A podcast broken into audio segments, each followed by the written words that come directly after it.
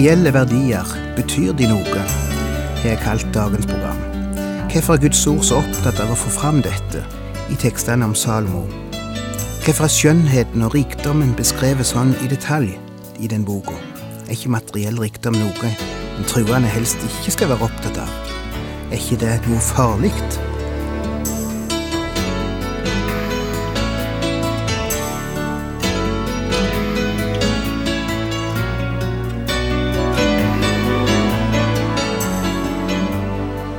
Hjertelig velkommen til et nytt program i serien Vindu mot livet.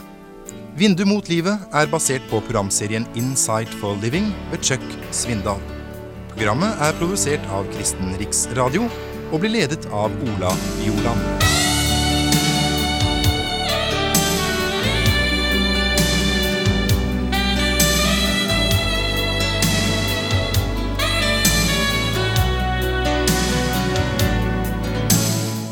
Sist gang slutta vi med å lese om Salomos innsettelse som konge. I dag begynner vi med å se på hvor langt hans kongedømme strakk seg, det vil si hvor lenge han var konge.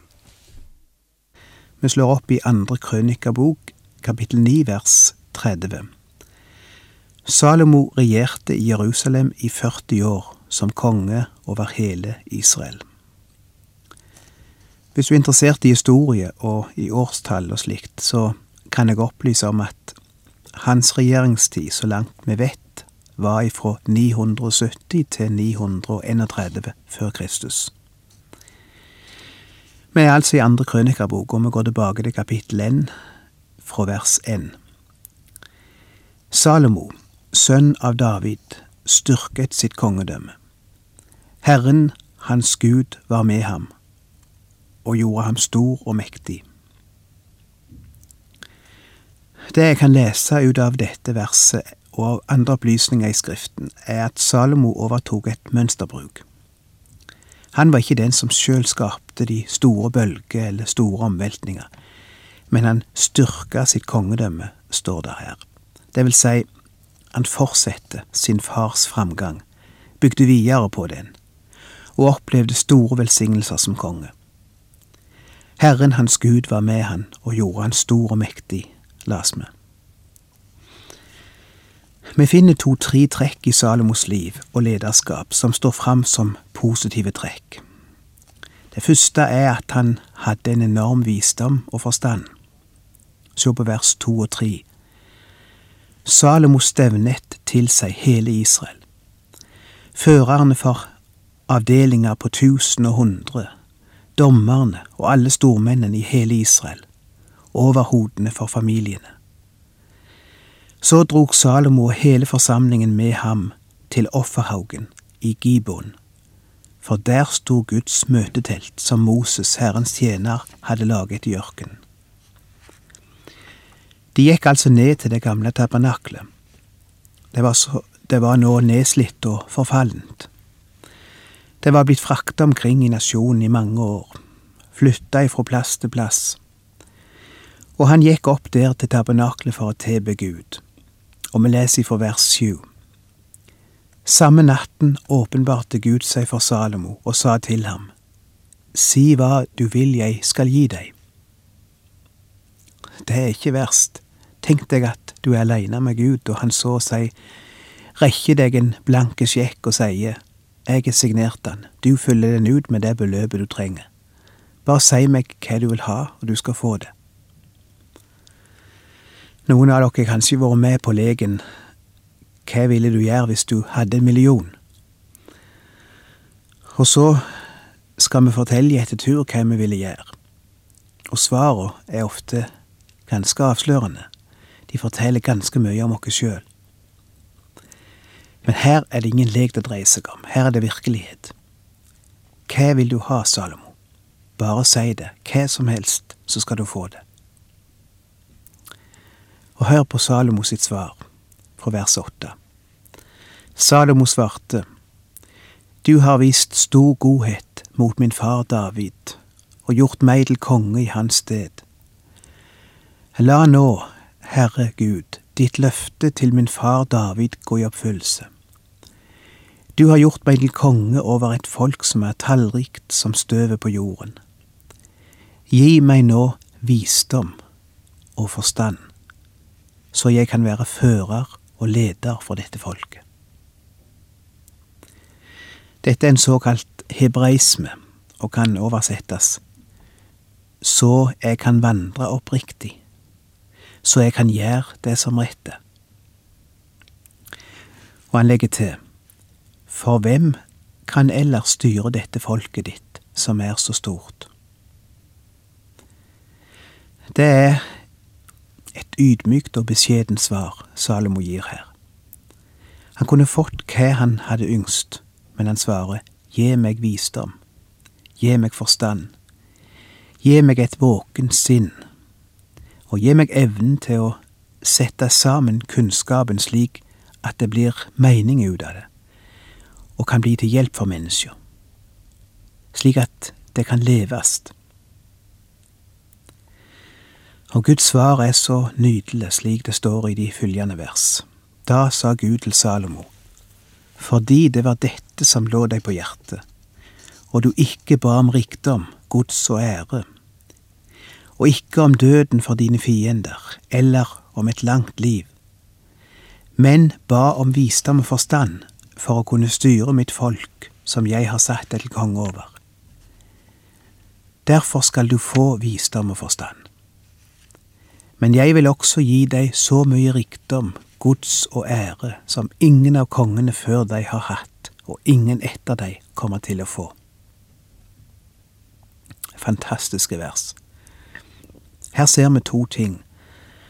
For det første, Gud er ikke imot materiell rikdom. Det er ikke noe galt i rikdom. Tvert imot. For det andre, Gud ser samtidig en stor fare i rikdom, og det er at mennesket kan bli slave under det. At det blir sjølve målet for mennesket, og kommer før alle andre verdiene. Men her møter Gud et menneske som setter andre verdier høyere enn penger og ære. Og da ser Gud at han kan tåle å være rik. Vi skal nå hoppe til kapittel ni og lese ifra vers én der. Det er fantastisk, en fantastisk historie om kong Salomo. Han får besøk av ei dronning fra Afrika. Da dronningen av Saba fikk høre om Salomo, kom hun for å prøve ham med gåter. Hun kom til Jerusalem med et stort følge, og med kameler som bar krydder, gull, i mengde og edelstener.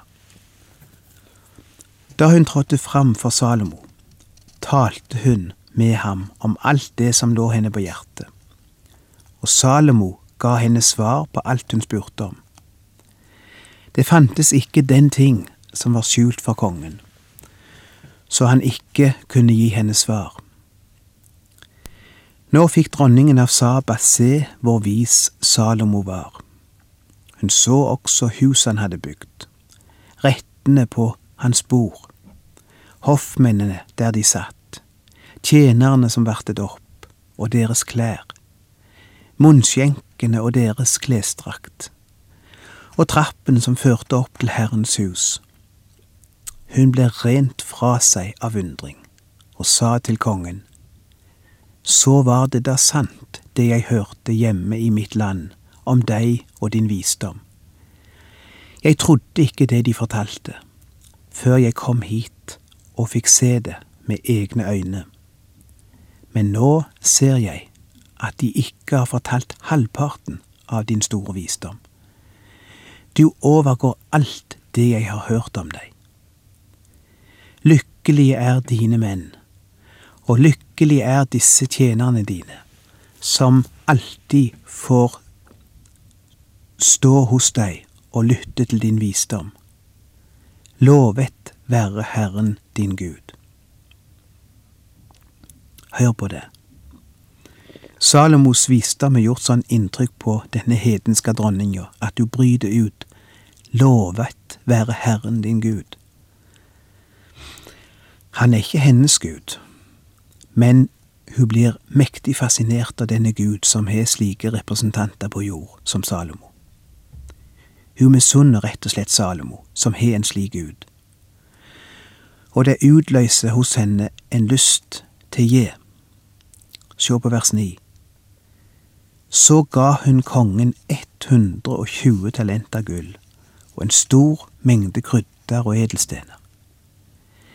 Det har aldri vært så mye krydder i landet som det dronningen av Saba ga kong Salomo. 120 talenter gull, vet du hvor mye det er? Det er ganske mye penger. Det er omkring 25 millioner kroner. 25 millioner kroner kaster du i fanget på han mens hun står der.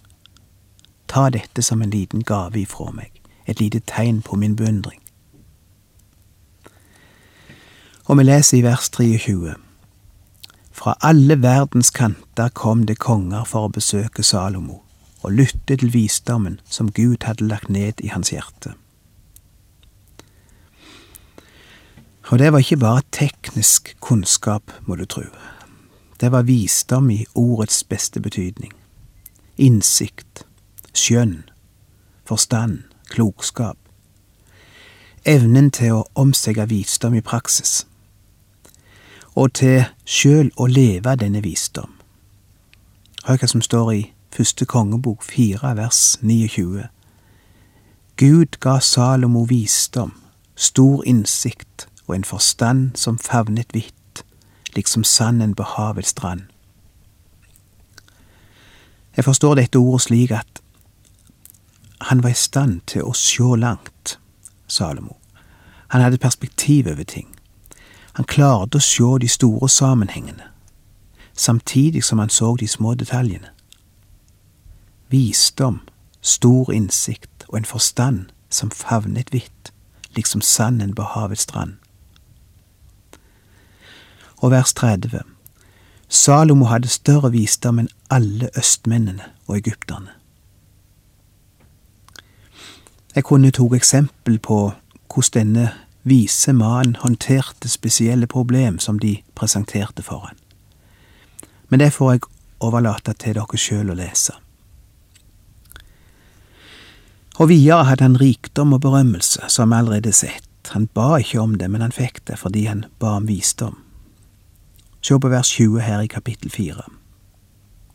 Folket i Juda og Israel var tallrike som sanden ved havet. De spiste og drakk og var glade. Det taler altså om landet, hvor rikt og mektig det var. Og hør hva som står videre om rikdommen Salomo personlig opplevde. Vers 22.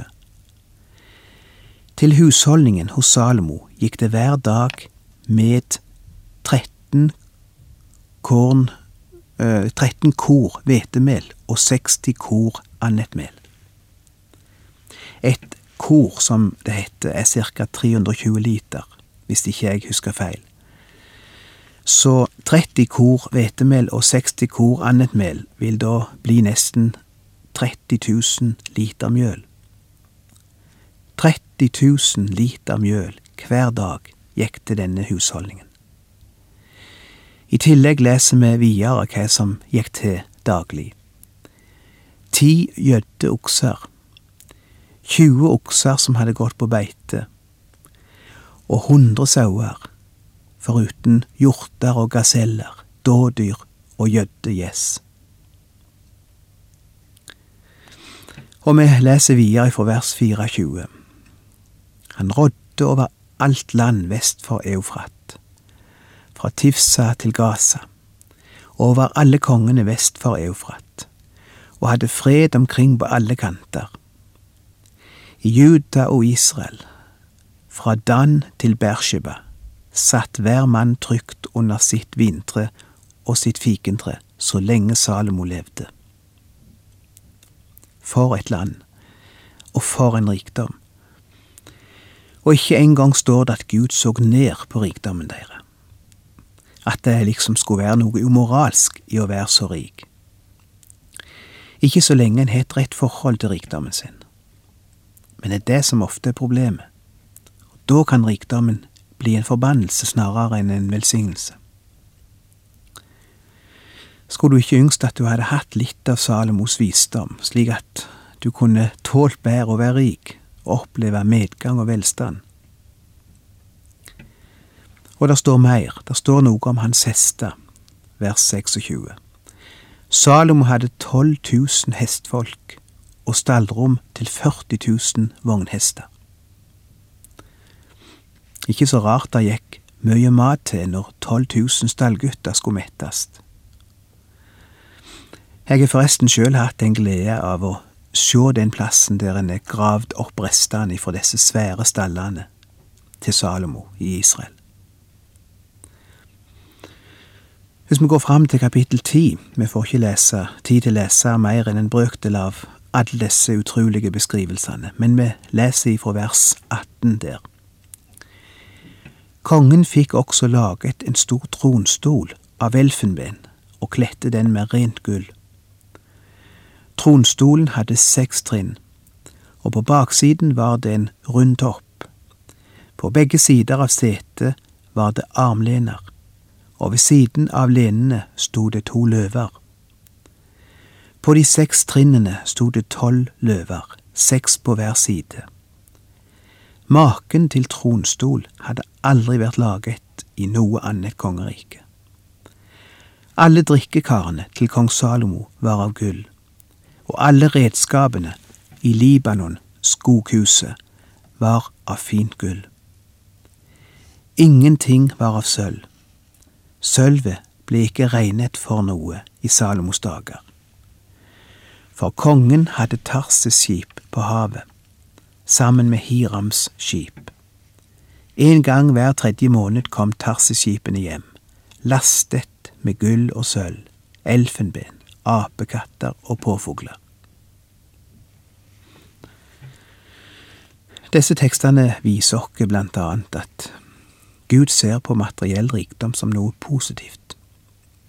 Hvis ikke så hadde han ikke brukt så mye plass på å beskrive disse ting i Bibelen, og beskrive de på en positiv måte. Gud ser på dette som noe viktig. For han er det ikke uvesentlig hvordan ting ser ut, hvordan ting er lagd. Vi må ikke tenke om Gud at han liksom er likegyldig til hvordan ting ser ut. Gud er en Gud som elsker skjønnhet. Hvis ikke, så hadde han ikke skapt skjønnheten. Han elska visdom og kunnskap. Ellers hadde han ikke beskrevet det så nydelig her i disse tekstene. Og han vil at vi skal bruke våre evner og forutsetninger, og utvikle de til å skape noe fint og noe vakkert. Og er det noe vi evangeliske kristne kanskje har glemt, eller forsømt, eller kanskje endog vist litt ringakt for, så er det akkurat denne sida ved livet. Det er synd hvis intelligente og begava mennesker skal få det inntrykk at blant evangelske kristne ser en ned på vakre ting, eller i det minste tillegger de liten vekt. Hvis de skal føle at å bli en kristen betyr at de må vende seg bort ifra det vakre, og miste lysten på og interessen for materiell skjønnhet. Å nei, det er en stor misforståelse. Jeg finner ikke noe slikt i Guds ord. Jeg finner sterke formaninger om ikke å la det vakre eller det ytre eller ting eller rikdom få makt over oss, men det er noe helt annet. Og det var vel det som også skjedde med Salomo etter hvert, som vi skal sjå. Og da blir det vakre og det gode vår fiende. Men det var ikke, det var ikke slik Gud tenkte det på forhånd. Gud er en stor kunstner og en stor estetiker. Han har lagd de vakreste malerier og skulpturer som fins i vår verden i dag, i naturen. Og han er den som har skapt de mest kostbare materialer som fins. Husk på det, det er Gud som har skapt de. Det er Gud som har skapt både gullet og diamantene. Er Gud opptatt av gull og diamanter, av farger og former? Ja visst er han det, ellers hadde han ikke skapt det. Jeg husker da jeg sang i et musikklag på bedehuset hjemme, som ung. Jeg husker vi strevde en del med å gjøre det bedre, med å auke nivået litt, rent musikalsk. Da fikk vi av og til høre ifra noen. Vi må ikke være så opptatt av at det skal være så fint. Det kan gå på bekostning av ånden, var det noen som sa. Tenk slik tenker faktisk noen. Til vakrere det er, og til bedre det er, til mindre åndelig skulle det liksom være. Og så virker det som noen mener at bare en står fram og synger, bare en får skrapt de sammen et par gitarer, et trekkspill, og noen som er villig til å stå fram, så betyr det ikke så mye hvordan det høres ut, om det ikke er så reint, bare evangeliet kommer fram. Ja, ja, det er bare det at evangeliet kommer ikke fram hvis det blir så dårlig framført, hvis en blindt skal være likegyldig med formen. For evangeliet er det vakreste budskap som finnes i denne verden. Og da skal en ikke kle deg i fillete klær. Da skal en ikke være likegyldig til hvordan en formidler det, og hvordan en behandler det. Og det er vel noe av dette som òg ligger i ordet i Filipperbrevet, kapittel fire, vers åtte.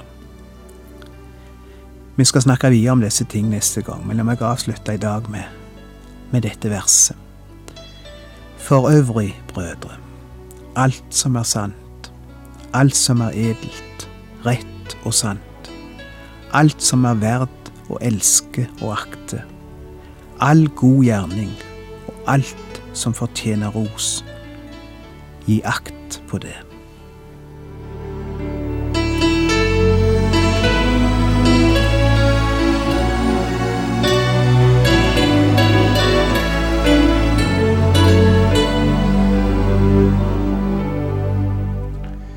Du har lytta til Ola Bjoland i serien 'Vindu mot livet' fra Kristen Riksradios arkiv. Ola Bjoland var ansatt i Kristen Riksradio til han døde i 2002.